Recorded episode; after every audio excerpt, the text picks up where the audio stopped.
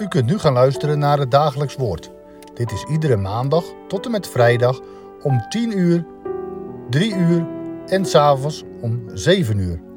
Deze meditatie wordt verzorgd door dominee Smit.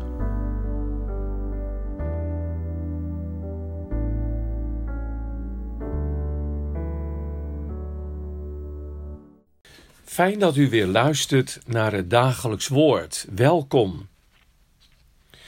Vandaag lezen we voor de laatste keer een gedeelte uit het Marcus-evangelie. Morgen wordt er een begin gemaakt met de Efezebrief. Na zijn opstanding is de Heer Jezus verschenen aan verschillende van zijn volgelingen.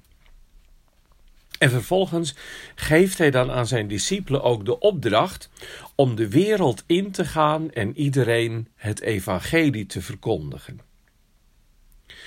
Daarbij zegt hij het volgende. We lezen het in Marcus 16, vers 16 tot 18. Marcus 16, vers 16 tot en met 18.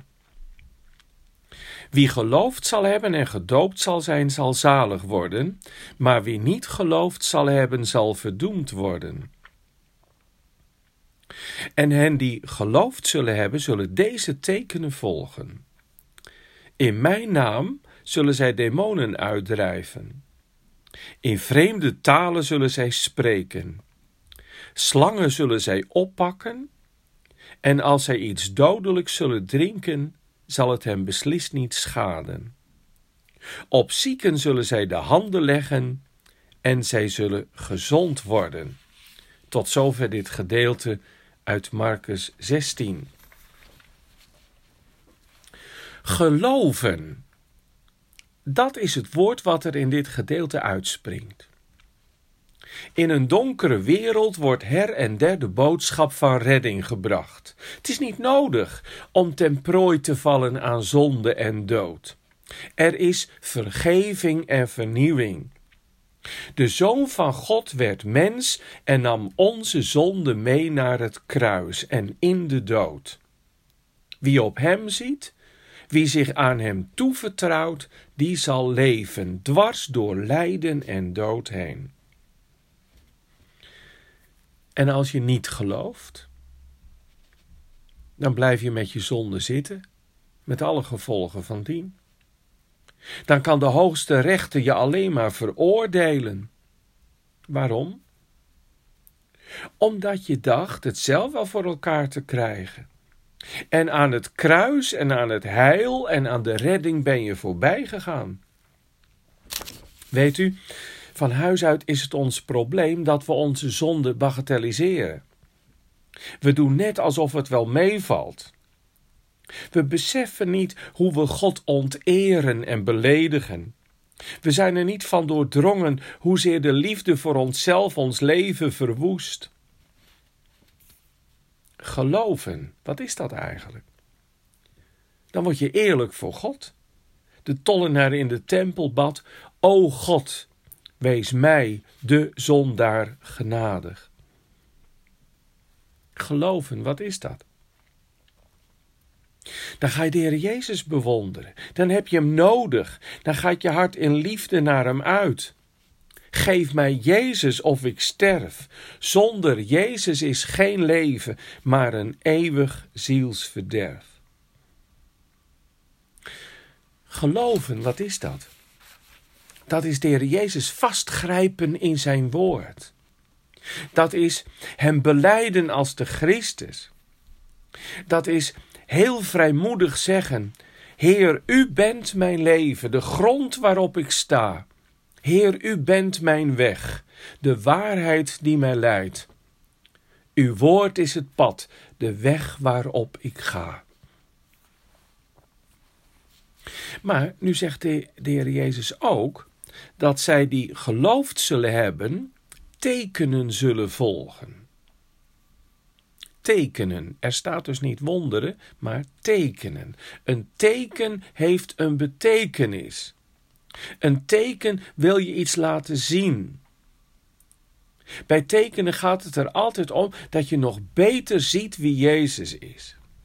Denk maar aan de verandering van water in wijn, het beginsel van Jezus tekenen. Dan gaat het er niet om dat er weer heerlijk een glas wijn gedronken kan worden, maar dan zie je dat de discipelen in Jezus gaan geloven. Hij moet in beeld komen. Harten moeten op Hem gericht zijn. Jazeker, die tekenen volgen hen die geloven. Dat is ook gebeurd. Lees het boek Handelingen er maar op na. Hoe vaak heeft de Heer niet gezorgd voor een krachtige doorbraak van het evangelie doordat hij iets onvoorstelbaars liet gebeuren? Dat gebeurt nog. Misschien dat wij wel iets spectaculairs zouden willen beleven. Maar luister nou eens goed. Wordt er nooit iemand genezen terwijl niemand het verwachtte? Wordt er nooit iemand bevrijd van de drangduivel? Is er niemand die het van boven te horen krijgt? Mijn genade is voor u genoeg, want mijn kracht wordt in zwakheid volbracht. En wat zegt Paulus dan? Daarom zal ik veel liever roemen in mijn zwakheden, opdat de kracht van Christus in mij komt wonen. Is het geen teken als iemand in de kracht van Christus een kruis kan dragen? De misdadiger aan het kruis werd niet bevrijd van het kruislijden. Maar was het geen teken dat hij vroeg: Heere, denk aan mij als u in uw koninkrijk gekomen bent? Als ik een kruis moet dragen, denk aan mij. Als ik in mijn nood zal klagen, denk aan mij.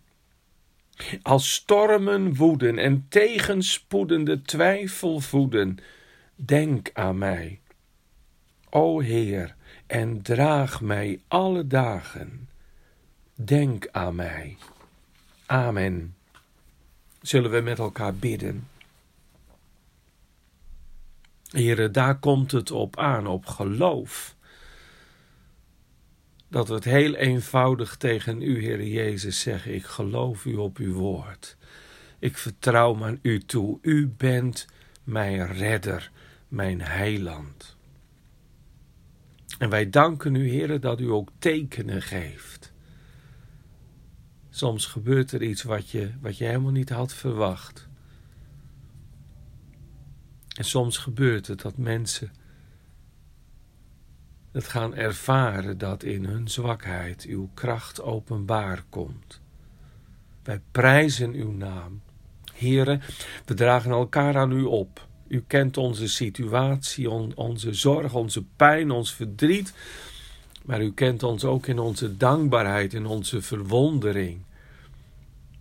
In onze verwondering ook dat we op de Jezus mogen zien dat u het ons geeft. Heren, wij bidden, wees met de zieken, met mensen in rouw, mensen die alleen hun weg gaan. Draag hen door uw kracht. Heren, wij bidden ook om het krachtige werk van uw geest. In Katwijk in Nederland zou u nog tekenen van hoop willen geven. Jonge mensen die komen tot geloof en bekering. Heren, we verootmoedigen ons voor u, we hebben het niet verdiend. Zo, zo vaak hebt u geklopt op onze deur, ook door, door oordelen heen. En we hebben ons niet verootmoedigd. Heere, vergeef het ons. Leer het ons om ons te verootmoedigen. En groot van u te denken. Heere, wees met uw kerk, wees met de gemeente. Met de dienaren van het woord, vullen met uw geest, bescherm hen. Heere, wilt u in de gezinnen zijn. Geef liefde voor elkaar. Dat huwelijken intact mogen blijven. En als het niet meer lukt, als het echt niet meer lukt, dat, dat er dan ook iets van vrede mag zijn. Heere, erbarm u. O God, houd u ons vast. In Jezus' naam. Amen.